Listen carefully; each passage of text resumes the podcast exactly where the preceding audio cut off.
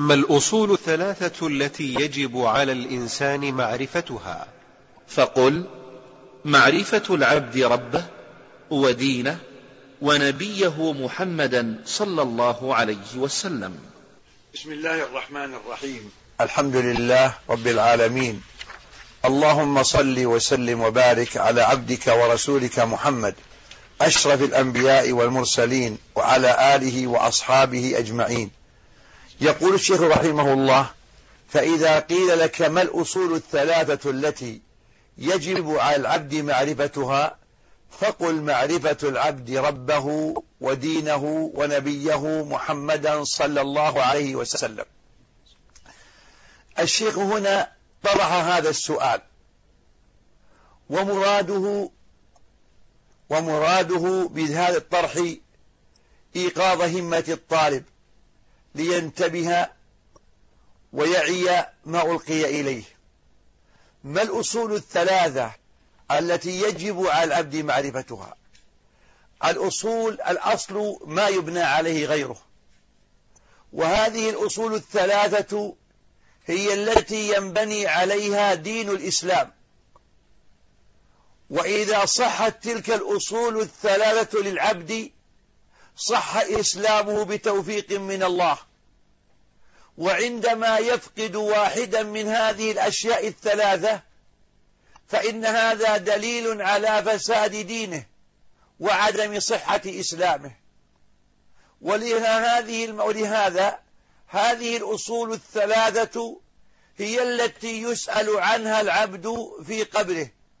فإنه يسأل عن ربه وعن دينه وعن نبيه. فطرح السؤال اقتداء بالنبي صلى الله عليه وسلم حيث قال لمعاذ يا معاذ أتدري ما حق الله على العباد وما حق الله وما حق العباد على الله؟ فأخرج السؤال بصيغة الاستفهام ليكون أوقع في نفس السامع وليجد ويجتهد في فهم ذلك السؤال ومحاولة الجواب. فهذه الأصول الثلاثة هي التي يجب على كل مسلم معرفتها. والمراد بالمعرفة هنا المعرفة الحقة التي هي في القلب مع نطق اللسان مع عمل الجوارح. أما معرفة معرفة بلا عمل فتلك لا تنفع شيئا. فإبليس عدو الله يعرف أن الله ربه وخالقه. ولذا يقول رب أنظرني إلى يوم الدين. ولكن لا ينفع لم ينفعه ذلك. وأبو طالب عرف أن النبي صادق وأن ما جاء به حق. لكن لما لم يعمل بحقيقة تلك المعرفة فلم يخلص العبادة لله ولم يتبرأ مما عبده الأسلاف والآباء من الأصنام والأوثان لم تنفع أبو طالب معرفته. وفرعون يعلم في قرات نفسه أن الله ربه وخالقه ولكن تلك المعرفة لما لم تطبق بالعمل لم تكن معرفة كافية. وربنا جل وعلا يقول لمحمد صلى الله عليه وسلم مخبرا له عن موقف قريش منه فإنهم لا يكذبونك ولكن الظالمين بآيات الله يجحدون. فهم يعرفون أن محمدا صادق وأن ما جاء به حق لكن منعهم الكبر والحسد وسيطر عليهم الهوى وقضى الله لمن قضى ألا يهتدي ولا ينتفع. ولهذا قال فإنهم لا يكذبونك ولكن الظالمين بآيات الله يجحدون. إذا فالمعرفة النافعة هي المعرفة التي تترك أثرا وهو العمل. أما مجرد معرفة بلا عمل بمقتضى تلك المعرفة فمعرفة الجهل خير منها. ثم قال الشيخ فقل معرفة العبد ربه أي أعظم الأصول أن يعرف العبد ربه. فإن معرفته لربه هي عنوان سعادته وعنوان هدايته وعنوان توفيق الله له أن يعرف ربه. ما هي تلك المعرفة؟ فإن كل مخلوق مفطور على هذه المعرفة حتى الحيوان يعرف ربه. وتراه يرفع رأسه إذا, إذا ألمت به الضرورات. ولذا يقول الله الذي أعطى كل شيء خلقه ثم هدى. فمعرفة الرب المعرفة المؤثرة ويعرف أن الله خالقه وأن الله رازقه وأن الله الذي يميته ثم يحييه وأن الله مالك سمعه وبصره والمتصرف فيه كيف يشاء.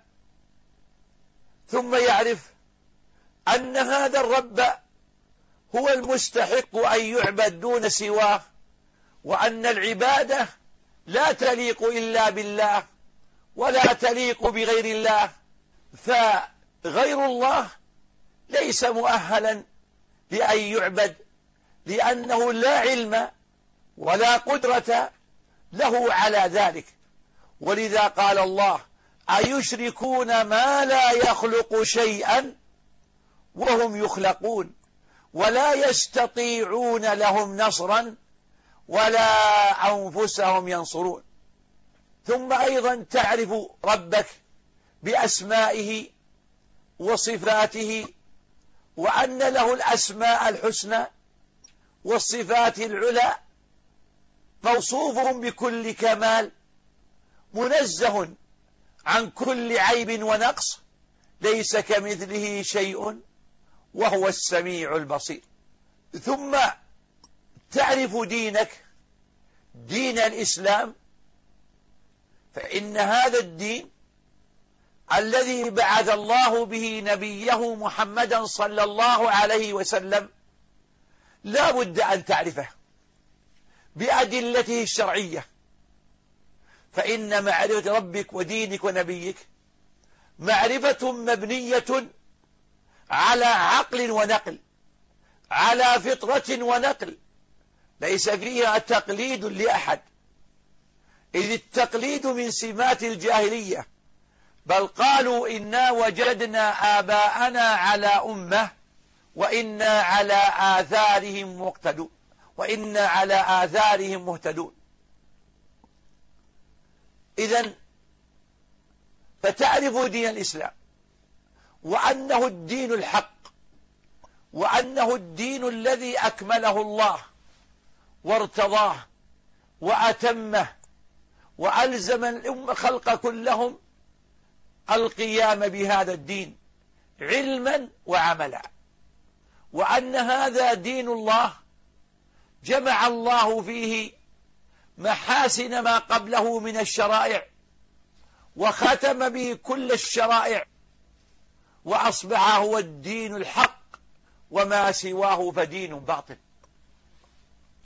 وأنه دين كامل شامل صالح لكل أمة وكل مك... زمان وفي كل مكان.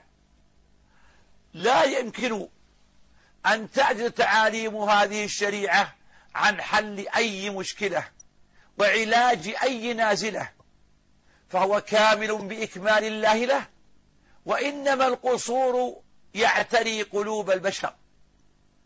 فالقصور يعتري نفوس البشر. الذين قد يقل إدراكهم لما جاءت به الشريعة. أما هذه الشريعة بحد ذاتها فهي شريعة كاملة تامة لا تحتاج إلى زيادة ولا يمكن أن تنقص. طيب. ثم تعرف نبيك صلى الله عليه وسلم.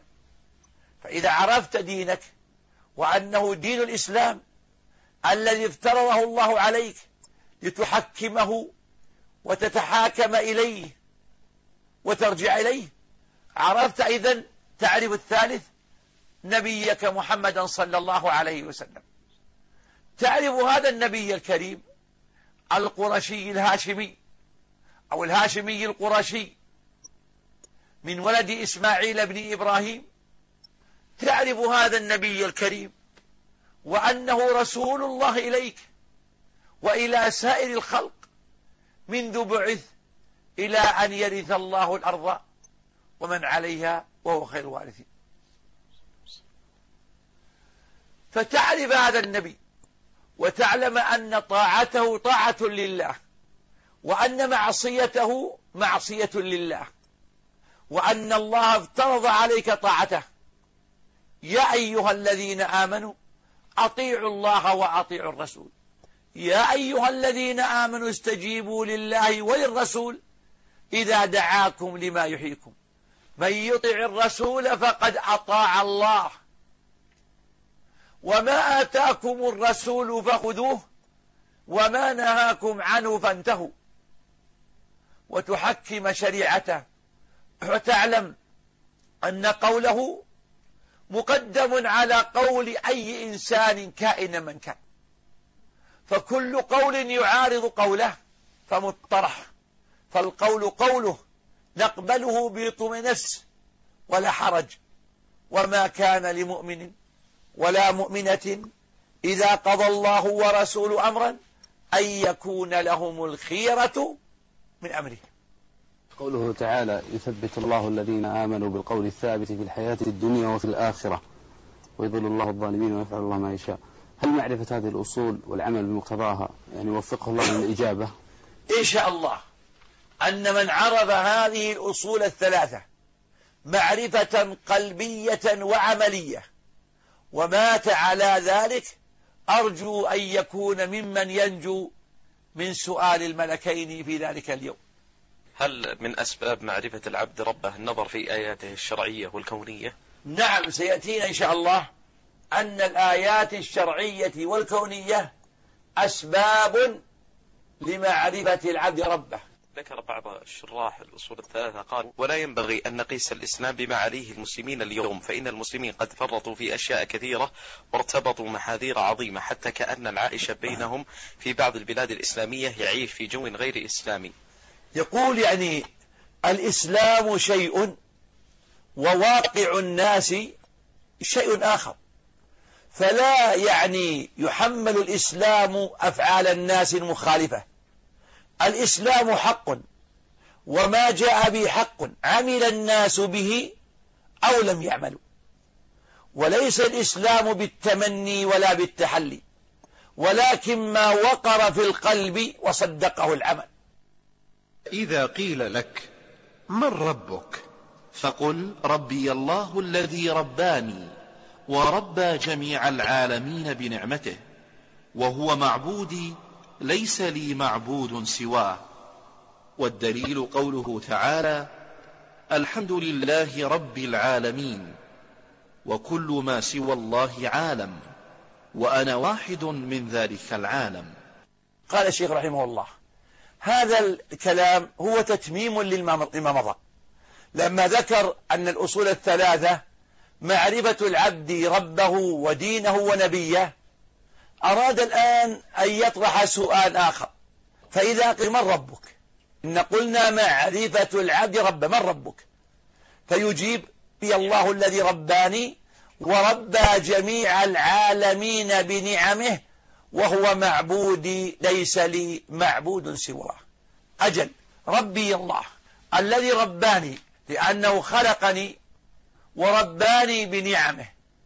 خلقني وخرجت من بطن أمي لا أعرف شيئا.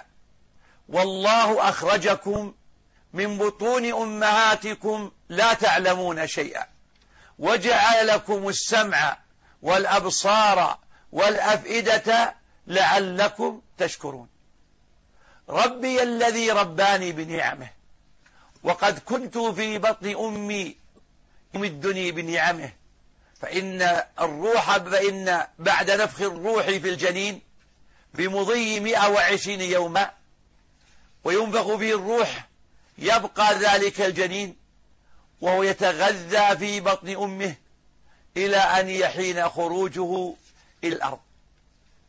فهو رباني ربي رباني ربي الله الذي رباني أنعم علي وأحسن إلي خلقني وأسدى إلي نعمه وألان لي قلب, قلب الأبوين وسخرهما لي فسخر الأب وسخر الأم وأودع في قلوبهما رحمة بي وشفقة علي وإحسانا بي وعناية تامة حيث أنا لا أعقل ولا أدري ولا أدرك. فالأبوان قاما بالتربية وقاما بالإحسان وكل ذلك من تقدير رب العالمين. فالأمر لله والحمد لله.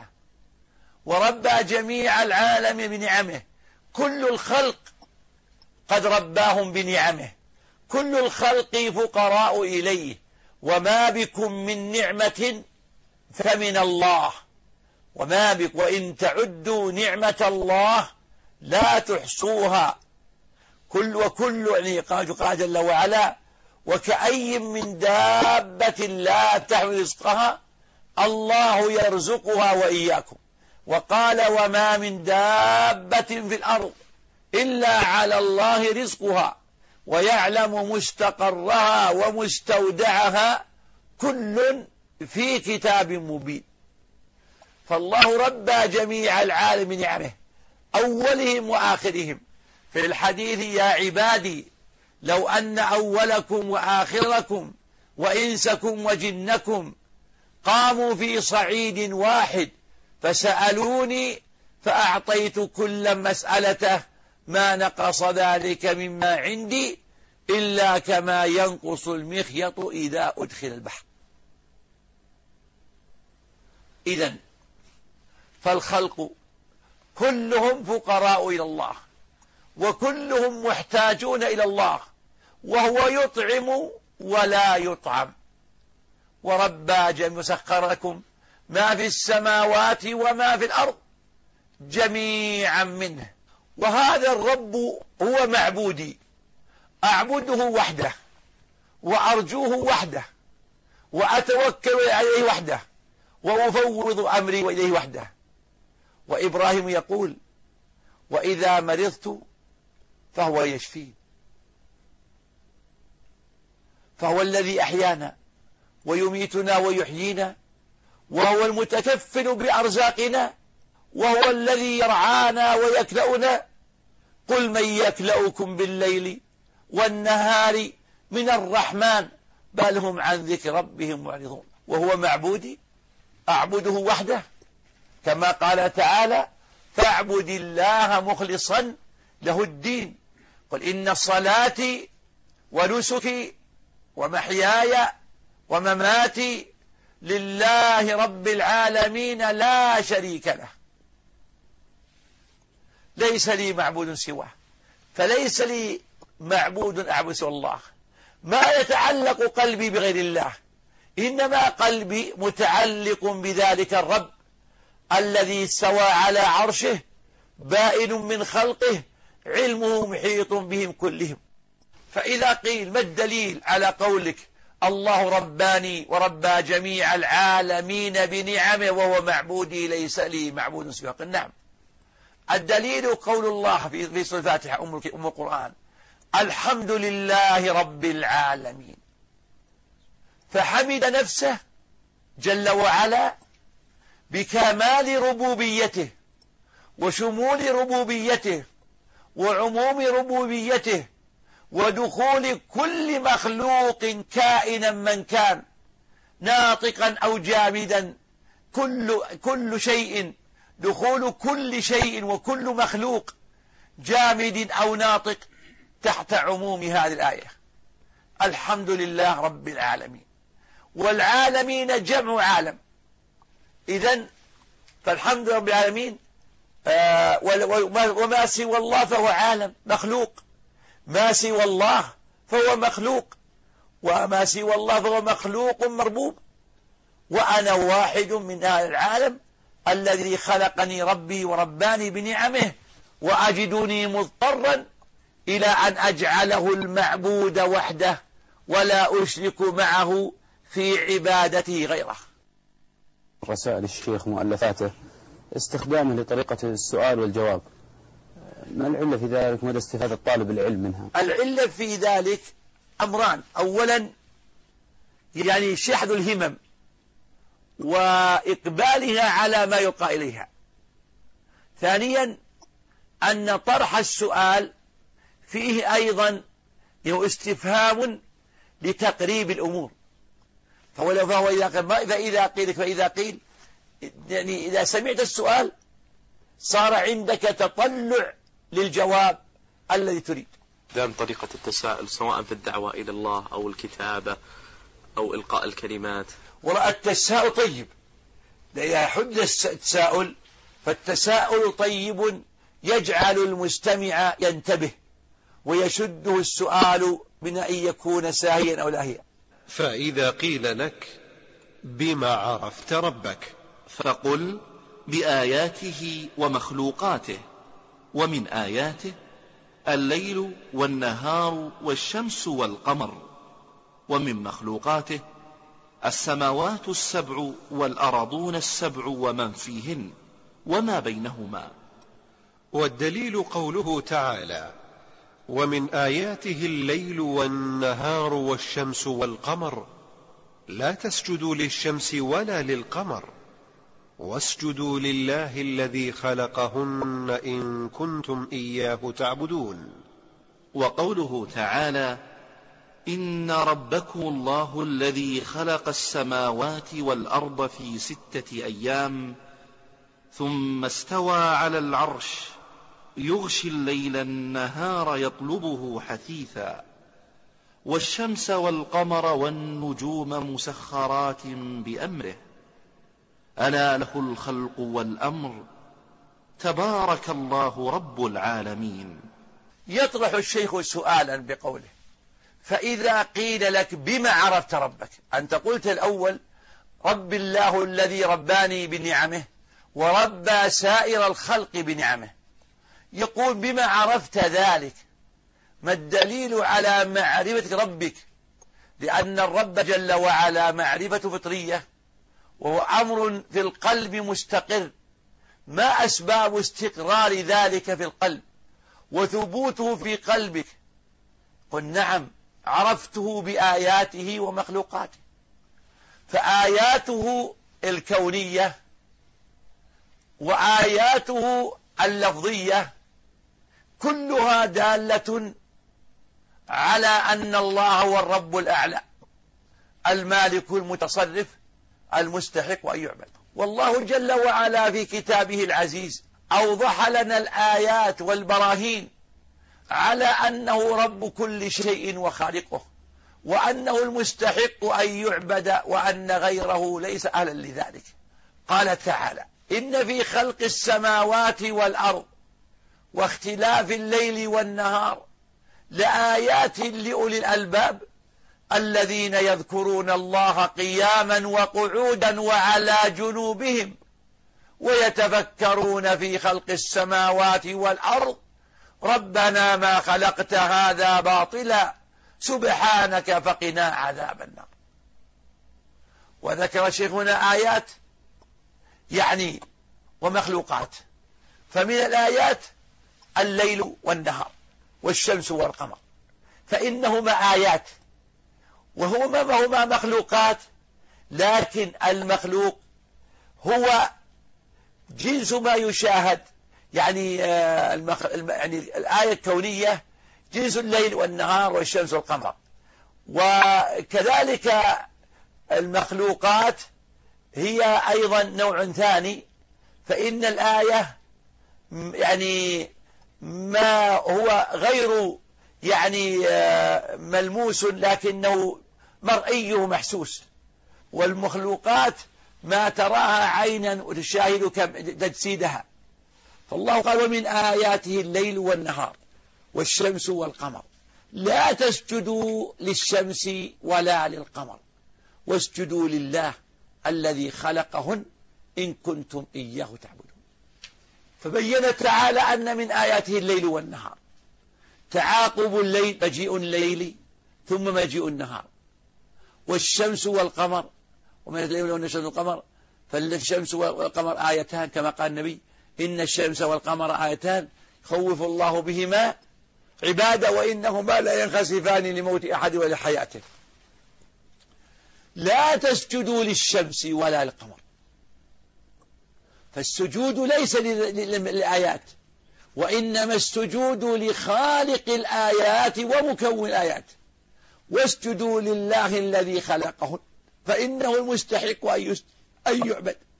أما هذه مخلوقات من جنسكم فالمخلوق لا يستحق أن يصرف له المخلوق مثله عبادة وإنما يصرفها لخالقه وخالق سواه. وقال تعالى في المخلوقات إن ربكم الله الذي خلق السماوات والأرض فالسماوات السبع والأرضون السبع الأرض نحن عليها نشاهد ونحن عليها والسماء نشاهدها ونعاينها بما فيها من نجوم. فهذه مخلوقات عظيمة. قال تعالى لخلق السماوات والأرض أكبر من خلق الناس ولكن أكثر الناس لا يعلمون. إن ربكم الله الذي خلق السماوات والأرض. في ستة أيام. قال تعالى قل أئنكم لتكفرون بالذي خلق الأرض في يومين وتجعلون له أندادا ذلك رب العالمين. وجاء إذا قال فقضاهن سبع سماوات في يومين. وقال في الأرض قد يعني آه قل أئنكم لتكفرون بالذي خلق الأرض في يومين وتجعلون له أندادا ذلك رب العالمين. وجعل فيها رواسي من فوقها وبارك فيها وقدر فيها أقواتها في أربعة أيام. بدأ الخلق خلق الخلق يوم الأحد وانتهى بيوم الجمعة.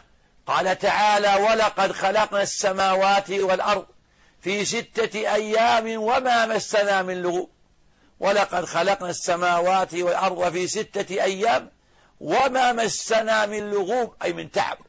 وهو قادر على إيجادها في آن واحد لكن له الحكمة التامة في ذلك. و ثم استوى على العرش أي استوى وعلى على عرشه الذي كان على الماء استوى وعلى وارتفع عليه. قال تعالى وكان عرشه على الماء. فاستوى استواء يليق بجلاله. وعلو في قدره وقهره وذاته. فالاستواء لله نعلمه حقا لأنه قال ثم استوى على العرش فاستوى بمعنى على وارتفع. لكننا لا نستطيع أن نكيف ذلك الاستواء بأن, بأن نقول نوع الاستواء كذا. لكن نؤمن بأنه استواء حق وعلو على العرش. فهناك العلو وهناك الاستواء العرش فالله عال بذاته على عرشه. وأهل السنة مجمعون على ذلك. وأن منكر علو الله كافر كغلاة الجهمية الذين أنكروا علو الله على خلقه. وهذا جحود وإنكار للمحسوس. يغشي الليل النهار. يطلبه حديثا. أي الليل يغطي النهار والنهار يغطي الليل وكل يطلب صاحبه حديثا أي سريعا. ألا له الخلق والأمر. الأمر ما بعث به الرسل والخلق إيجاد كل المخلوقات. تبارك الله رب العالمين. فأعرف الرب بالآيات الكونية والقدرية وأعرفه معرفة تامة ولذا أفردته بالعبادة والله جل وعلا لا يرى في الدنيا. كما قال الله لموسى أرني لما قال ربي أرني ربي أرني أنظر إليك. قال لن تراني ولكن انظر إلى الجبل فإن استقر مكانه فسوف تراني. فلما تجلى ربه للجبل جعله دكا وخر منصعقا فطلب الرؤية لله في الدنيا مستحيلة والأبصار غير مؤهلة. وغير قادرة على ذلك. لكن في الجنة يرى المؤمن ربهم عيانا ويعطيه من قوة الأبصار ما يستطيعون به النظر إلى وجه الله الكريم. ألا له الخلق والأمر تبارك الله رب العالمين.